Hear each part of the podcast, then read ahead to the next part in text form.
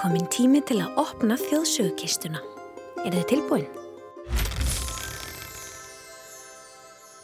Vá, wow, þessar sögur eru svo gamlar að við þurfum að blása ríkinu af blaðsíðunum til að lesa þér. En hvaðan ætla þér komi? Látum okkur sjá. Fyrir saga þáttarins er frá Brasilju og fjallar um strák sem tókst að fá öll dýrin í skóginum til að dansa með sér. Svo setni er frá Indlandi og fjallar um eina stóra ráðgátu og svo margar minnigátur sem klár strákur og klár stelpa gátu leist. Stóra ráðgátan fjallar um hlæjandi fisk. Hvers vegna hló fiskurinn þegar drottningin talaði við hann?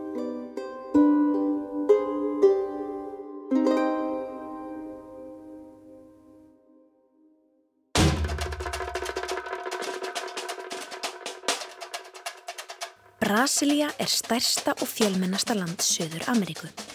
Þar er langstæsti hluti Amazon-rekskóðurins sem er stærsti rekskóður í heimi. Í Brasilíu er fjölbreytt dýralíf og 206 miljónir manna búa í landinu.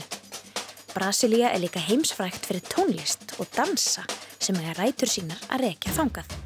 Hafiði til dæmis heyrt um samba og bossa nova.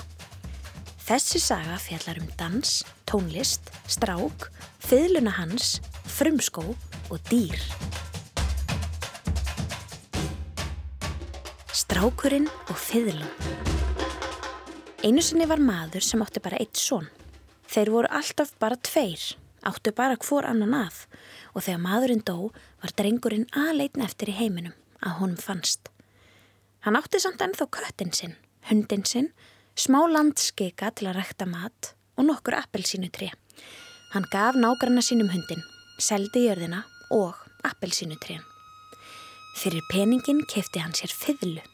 Hann hafði alltaf langaði fiðlu, allt sitt líf og nú hafði hann engan til að tala við, til að ræða sína drauma og þrár nema fiðluna. Fiðlan hann svaraði með því að spila fegurstu tóna í veröldinni. En nú fór strákin að vanta einhverja vinnu til að hafa í sig og á. Hann fór til hyrðarinnar og sótti um starf sem smaladrengur hans hátegnar en var sagt að konungurinn hafði alveg nógu smölum í vinnu til að sjá um allar kindurnar sínar. Það var ekki að dagskráni að ráða nýja smala. Strákurinn ákvað þá að fara með þyðluna sína inn í frumskógin og reyna að lifa af þar. Á milli þess sem hann veiti sér til matar spilaði hann dásamlega fallega tóna á þyðluna sína. Smaladrengir konungsins sem gættu kinda við skóriaðarinn heyrðu tónlistina en gáttu engan veginn átt sig á hvaðan tónarnir bárust. Sumar kindurnar urðu svo forvitnar að þær heldu af stað inn í skógin og dróust í áttað tónlistinni. Þær eldu tónana þar til þær fundu drengin, kísuna hans og föðluna. Smölunum hætti að lítast á bleikuna þegar hver kindina vannari kvarf inn í frumskógin. Þeir heldu af stað til að sapna þeim öllum saman aftur En um leiðu þeir heldu að þeir vissu hvaðan tónlistin og kindajarmið bærist var eins og það færðist til og þeir urðu enn áttavildari. Það er ekkert grína tínast í frumskói og getur jafnvel verið lífshættulegt. Þegar smalarnir fóru að óttast að þeir myndu sjálfur villast, gáfist þeir upp á leitinni og heldu tilbaka. En aftur að drengnum með þöðluna. Þegar hann sá hvernig kindurnar löðuðust að tónlist hans, var hann mjög gladur.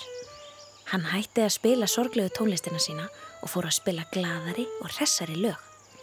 Eftir nokkra stund var tónlistin svo gladleg að kötturinn fór að dansa.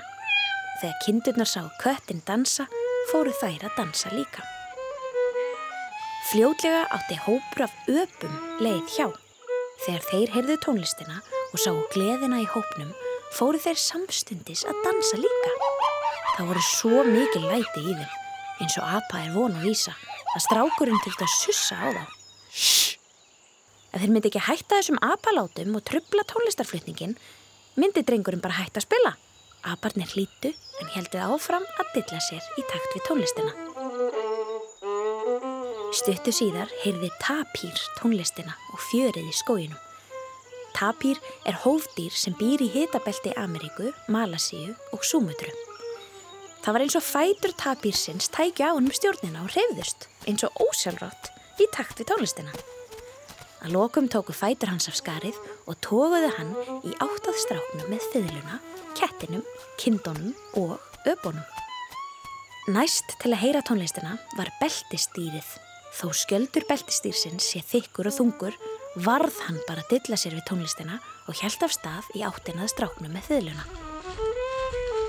Lítil hjörð dádýra bættist í hópin, Möyra æta dansaði með og það gerðu líka tíkristýrið og villikötturinn.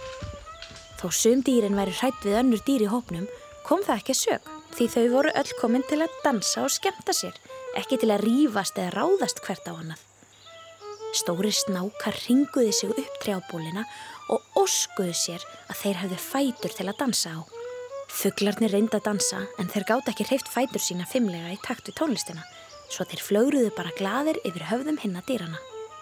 Ekki leið á löngu þar til hvert einasta dýr skóarins var farið að dansa við tóna feðlunar. Þau ferðuðust um skóin og sífælt bættist í hópin. Að lokum komu þau að háum veggjum sem umkringdu landa risana í skóginum.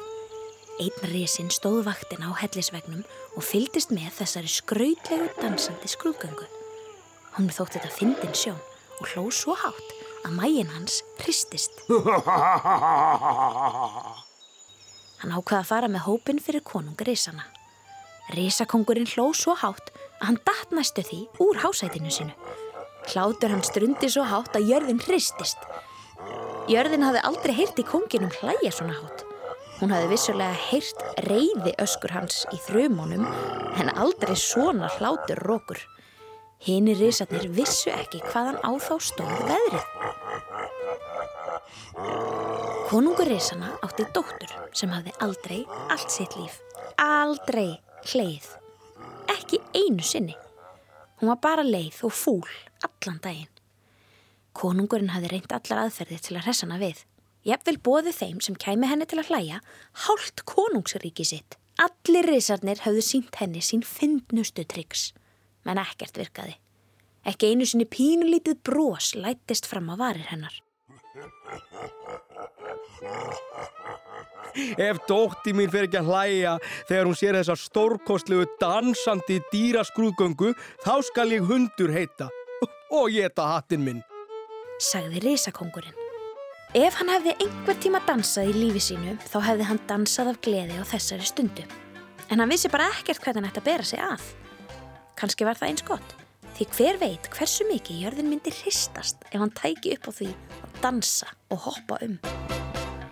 Strákurinn með þiðluna, kötturinn, kindurnar og öll hindýrin voru nú fenginn til að koma fyrir risaprinsessuna sem sað með sorgarsvip í hásæti sínu umkring þjónustu fólki. Þegar drengurinn lifti fiðlunni að hökunni og dró bógan yfir strengina fóru dýrin að dilla sér lítilega en fljótega var allt komið á fullt og dýrin hoppuðu og dönsuðu af kæti. Og viti menn, pínulítið brós lættist fram á varir prinsessunar. Þetta hafði aldrei sérst áður. Brósið breytist fljótlega í lítinn hlátur sem á endanum breytust í hlátur rókur. Og prinsessan þurfti að halda sér fast í stólinn sinn svo hún dytti hreinlega ekki um koll. Konungur Rísana var svo gladur að hann rétti úr sér og kallaði yfir allan hópin. Þú skalt eignast hálft konungsríki mitt eins og ég hafði lofað hverjum þeim sem kæmi dóttur minni til að hlæja. Upp frá því ríkti drengurinn yfir hálfu konungdæmi risana. Hann átti aldrei vandraði með að stjórna og fá sínu fram vegna þess að um leið og hann tók upp þiðluna sína kerðu allir alveg eins og hann baðum. Öll dýrin sem höfðu dansað sig inn í landrisana með drengnum urðu um kyrt. Þau voru þar svo lengi að þau stækkuðu öll og urðu að risatíkristýrum, risakindum, risadádýrum, risatapýrum, risaöpum, risaslöngum, risafuglum og svo frammeis og frammeis og frammeis.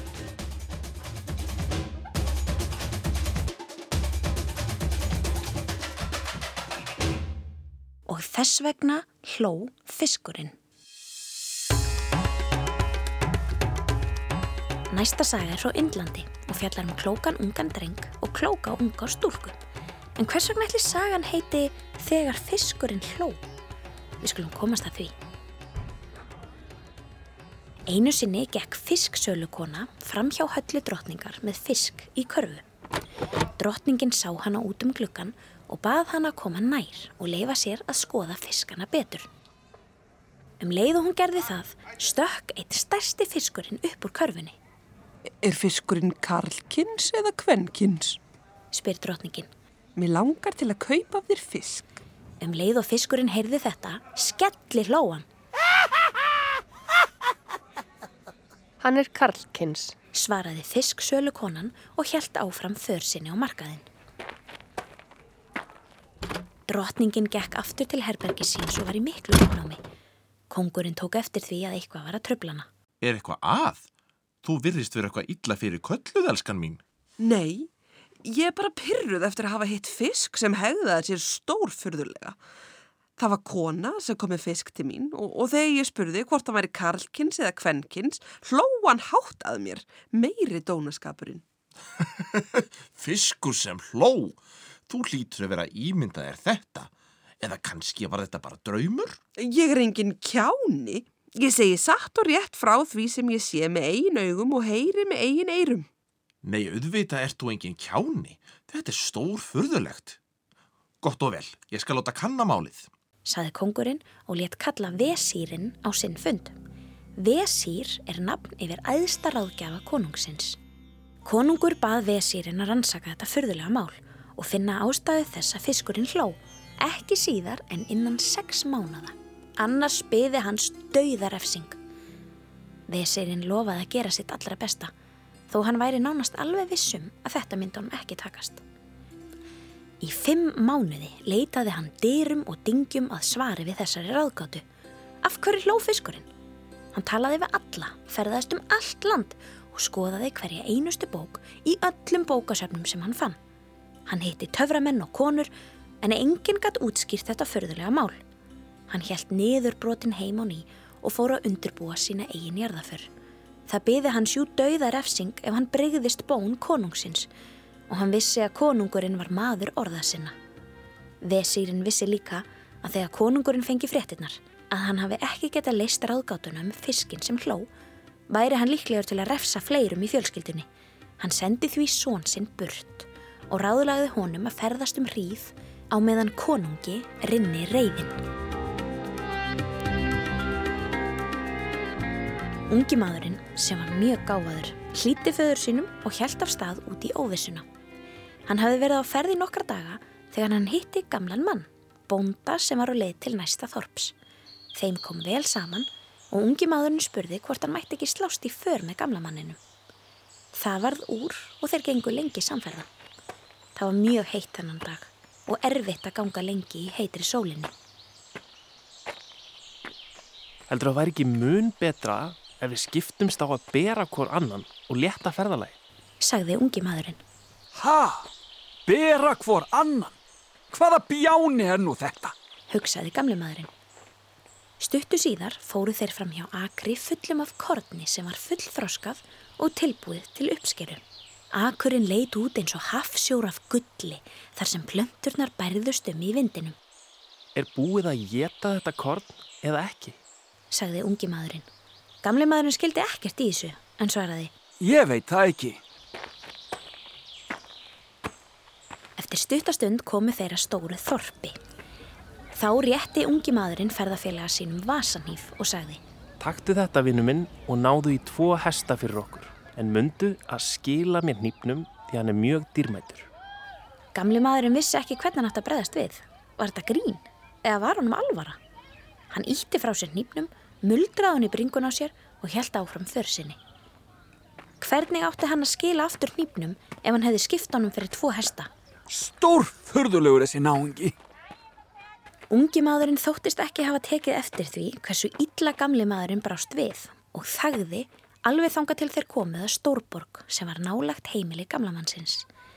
Þeir gengu um markaðinn og fóru í moskuna en enginn heilsaði þeim eða bauð þeim að koma inn fyrir og kvíla lúin bein, Þetta er risastór kirkjugarður. saði ungi maðurinn. Hvað meinar hann? Hugsaði gamli maðurinn. Að kalla þessa risastóru og fjölmennu Stórborg kirkjugarð. Á leið sinni út úr Stórborginni gengu þeir í gegnum alvöru kirkjugarð.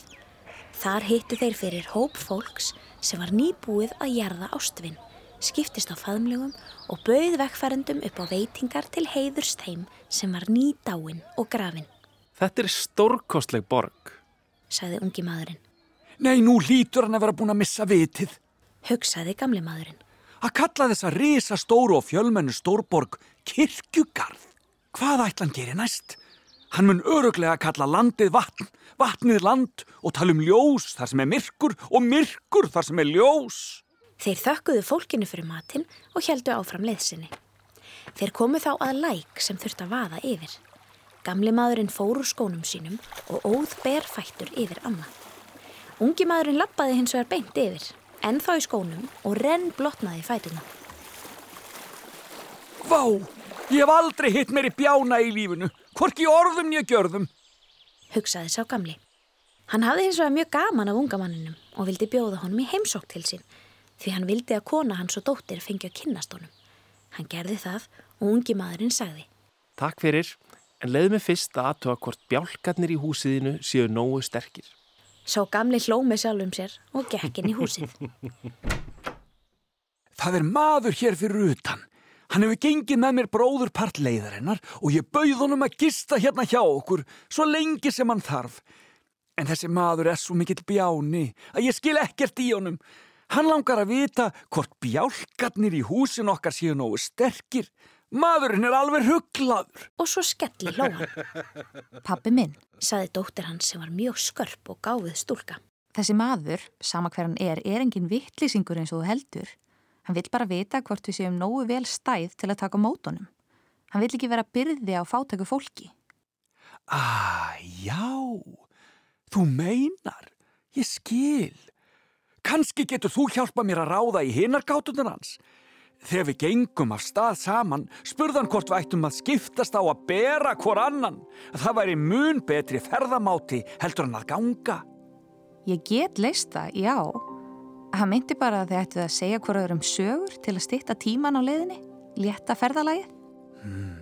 Einmitt það, já. Síðan, þegar við fórum fram hjá kornagri, spurðan mig hvort það væri búið að geta þetta korn eða ekki. Skildir það ekki, pappi? Hann vildi vita hvort bóndin væri skuldugur eða ekki. Því ef kornbóndin skuldar einhverjum, þá getur hann allt eins ímynda sér að það sé búið að borða alla uppskjörun hans. Hann mun ekki geta selt hana fyrir peninga, heldur þarf að gefa hana alla upp í skuld. Já, já, já, auðvitað. Síðan þegar við fórum inn í þorp, þá gaf hann mér vasanýf og sagði mér að ná í tvo hesta en skila samt aftur nýpnum. Já, hann átti við að þú ættir að taka hnífin og tálka tvo göngustafi. Er ekki göngustafir mikil hjálp fyrir þreytta ferðamenn á göngu, eins og hestur sem léttir manni ferðalagið? Hann baði líka að passa vel upp á hnífin. Ég skil. Þegar við gengum í gegnum borgina var okkur hvergi heilsað, enginn gaf okkur neitt að borða þannig við gengum í gegnum kirkjugarðin. Þar kallaði fólk á okkur og gaf okkur að borða. Ferðafélagi minn kallaði stórborgina kirkjugarð og kirkjugarðin stórborg. Einmitt.